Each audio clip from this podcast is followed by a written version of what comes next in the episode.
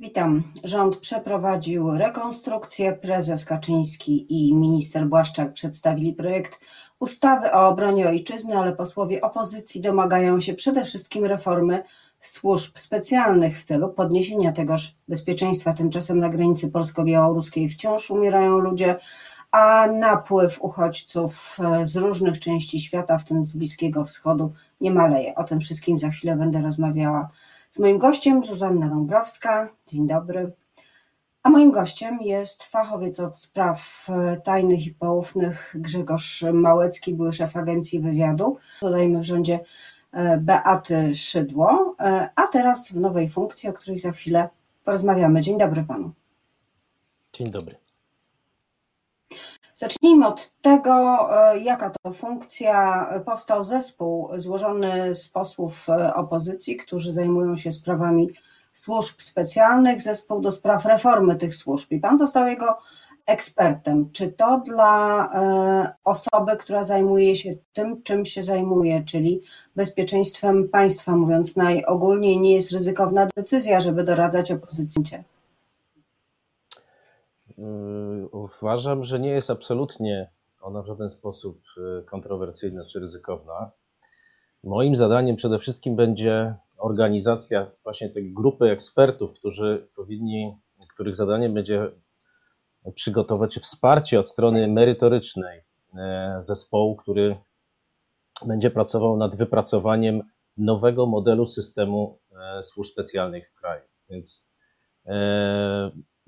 tego rodzaju działania, co warto dodać, są e, precedensem naszej 30-letniej historii. Dotychczas opozycja, e, nawet nie chodzi o to, że to musi być koniecznie zespół opozycji, to jest po prostu zespół maksymalnie e, obejmujący maksymalnie szerokie spektrum polityczne, ponieważ tylko takie podejście gwarantuje sukces w postaci wypracowania rozwiązania, które być może w przyszłości zostanie wprowadzone. Dotychczas mieliśmy do czynienia z sytuacjami, kiedy to pojedyncze ugrupowania, najczęściej rządzące albo aspirujące do rządów, narzucały pewne swoje rozwiązania, najczęściej kierując się przede wszystkim swoim interesem politycznym, który sprowadzał się do przejęcia pełnej kontroli nad służbami i wykorzystywania ich do realizacji swoich celów, partykularnych celów politycznych. Mam wrażenie, że teraz to nie tylko jest przejęcie kontroli przez e, pewien obóz polityczny, ale konkretnie przez jednego człowieka, którym jest były tylko minister koordynator, e, a obecnie minister spraw wewnętrznych, Mariusz Kamiński. E, I po tym, po jego ostatniej aktywności można dojść do wniosku nawet, że nie tylko kontroluje on służby i wszystkie służby podlegle, podległe tradycyjnie Ministerstwu Spraw Wewnętrznych, takie jak, jak przede wszystkim policja, ale także pomału zaczyna kontrolować i wojsko e, i inne sfery. Czy to już jest model, czy to jest wypadek przy pracy Pana zdaniem? Przecież Pan zna dobrze Mariusza Kamińskiego, który był Pana szefem przez dłuższy czas. No dobrze, to może jest za dużo powiedziane, bo gdybym znał go tak dobrze, to pewnie nie doszło do, do tych nieporozumień, które, które e, skończyły się, doprowadziły do mojej dymisji. Natomiast rzeczywiście miałem okazję obserwować go w pracy. W moim przekonaniu to nie jest żaden model. Rzeczywiście mamy do czynienia z tym, co ja nazywam zawłaszczaniem służb, w tym przypadku nawet powiedziałbym dalej prywatyzacją przez pewien segment, w tym przypadku nie samą osobę, nie samego ministra, a jego środowisko osób, które są jego współpracownikami i rzeczywiście przejął nad nimi niemal pełną kontrolę, z całą pewnością wyjmując tą kontrolę nad służbami z rąk premiera, co wydaje mi się e, rozwiązaniem bardzo ryzykownym, zwłaszcza w tych trudnych i skomplikowanych czasach.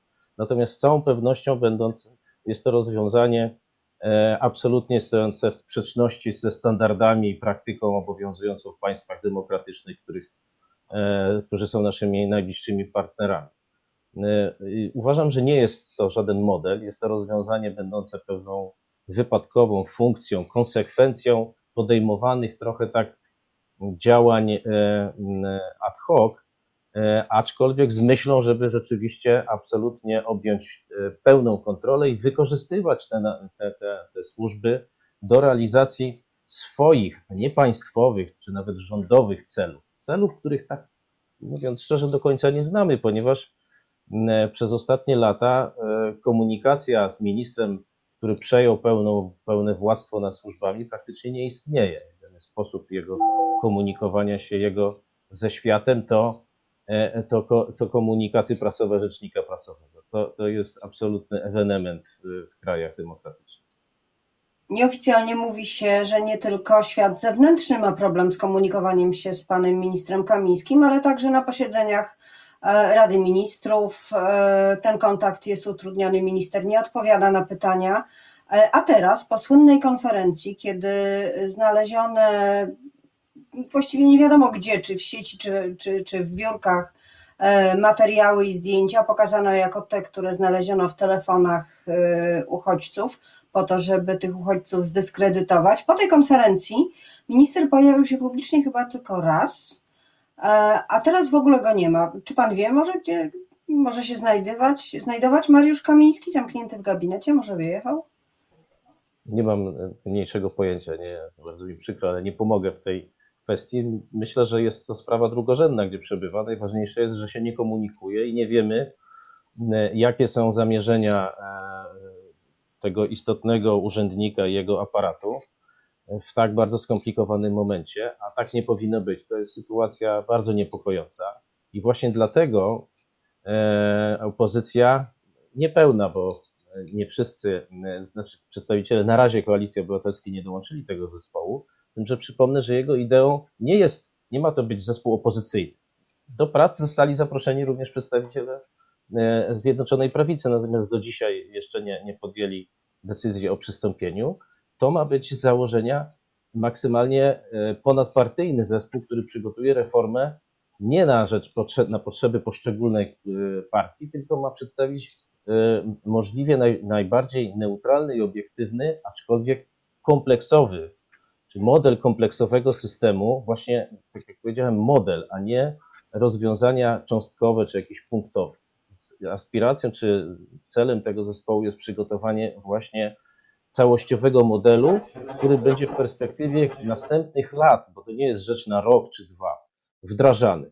Jak widać właśnie na przykładzie e, e, rzeczonego ministra, o którym Pani wspomina, bardzo poważnym problemem jest brak mechanizmu i systemu zarządzania e, i kontroli nadzoru nie tylko nad służbami, bo pamiętajmy, że nad tym ministrem czy jego aparatem który koordynuje i zarządza służbami, nadzór i kontrola również powinna być sprawowana po pierwsze ze strony premiera, a po drugie ze strony e, ciał zewnętrznych wobec rządu, czyli przede wszystkim parlamentu, ale również społeczeństwa. W Polsce nie doczekaliśmy się takiego mechanizmu i dlatego to znaczy... staramy się.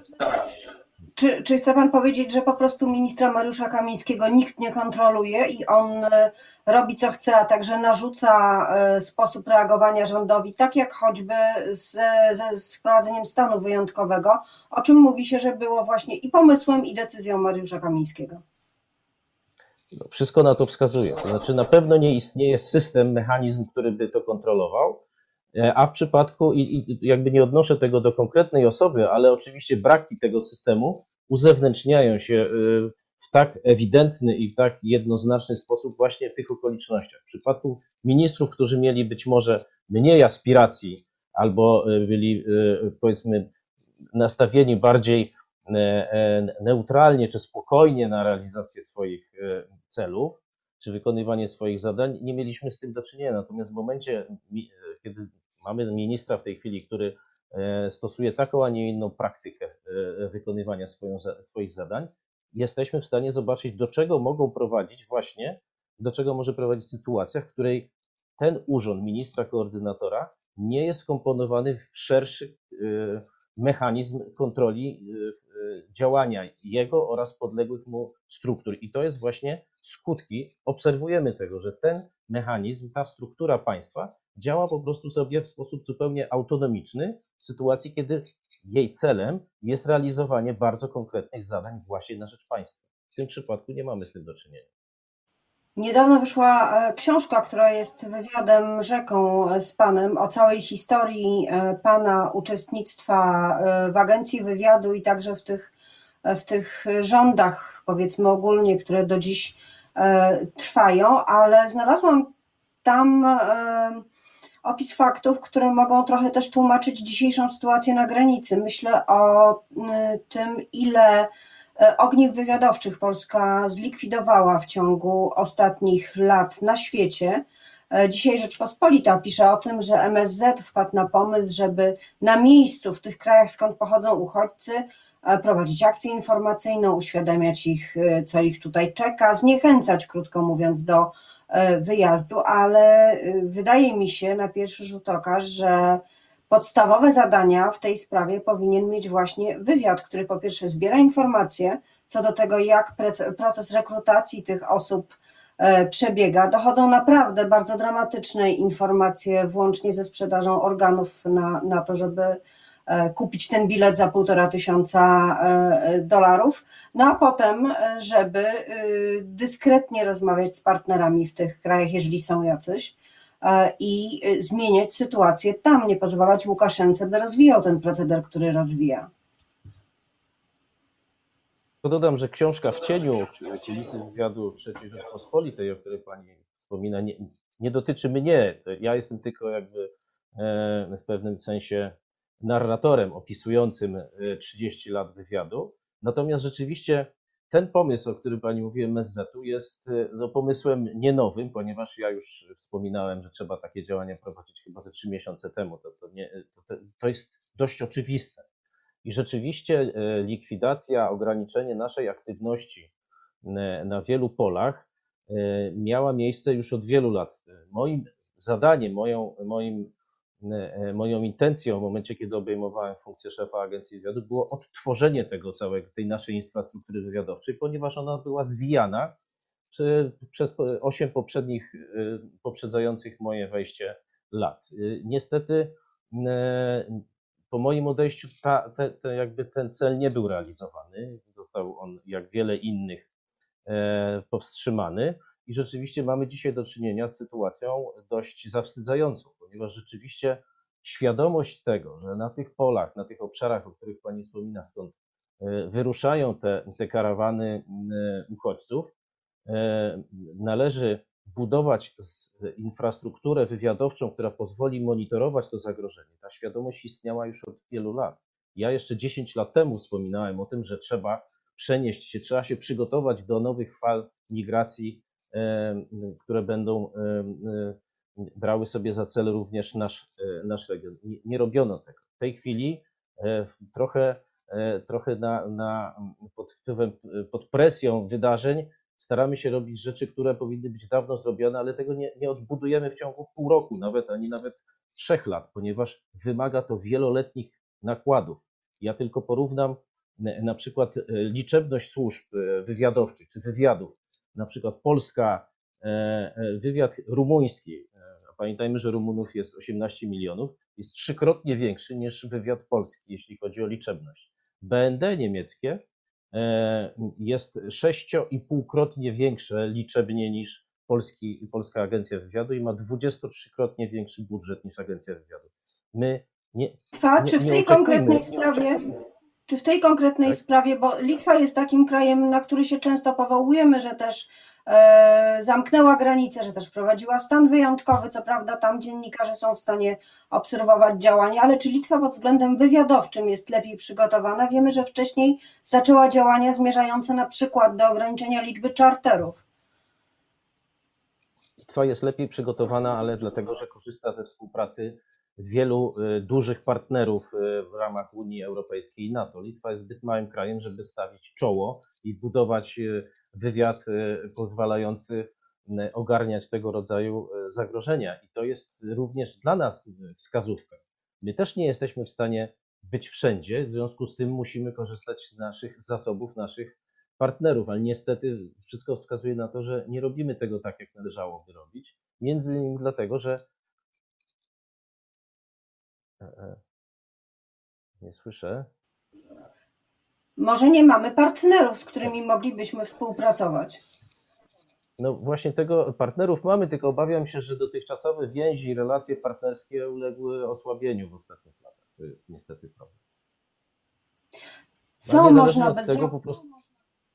Tak, tak? Bardzo proszę. Nie, niezależnie od tego jest jeszcze potrzebna wola polityczna, żeby e, jakby eksploatować te pola współpracy. I tutaj obawiam się, że z tym również jest problem, ponieważ rząd, e, mam wrażenie, że e, trochę się uparł, żeby ten problem, który, do którego nie jest przygotowany, rozwiązać sam, a to jest absolutnie niemożliwe. Na koniec e, pytanie o Białoruś i o to, co polski wywiad może wiedzieć na temat sytuacji, która jest tam obecnie. Tam też e, Łukaszenka zaczyna mieć problem. Są grupy uchodźców, które koczują na ulicach, nie tylko w stolicy, ale także na przykład Grodna. Tam sytuacja robi się napięta, to jest jedna rzecz. No a druga rzecz jest polityka wewnętrzna Łukaszenki, choćby to, ile osób siedzi w więzieniach. No dla nas najważniejsze, najważniejsi są Polacy Andrzej Poczobut, Angelika Borys. Czy uważa Pan, że polski wywiad tam jest w stanie e, zbierać informacje? My wiemy coś więcej niż tylko te naskórkowe informacje?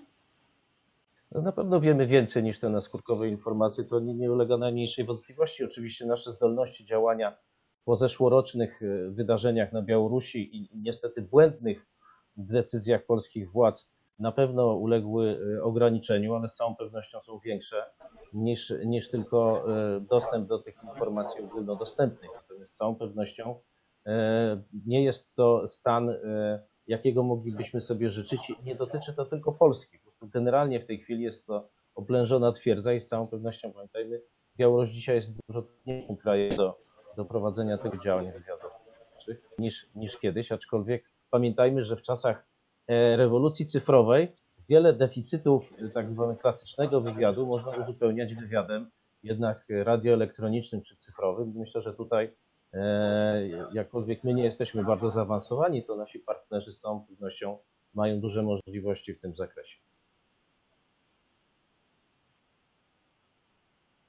Więc e, właściwie tak, można powiedzieć polskiemu wywiadowi w całości dobrych partnerów, bo wyrazne siły są mocno osłabione. Bardzo dziękuję za rozmowę. E, moim gościem Małecki był szef agencji wywiadu.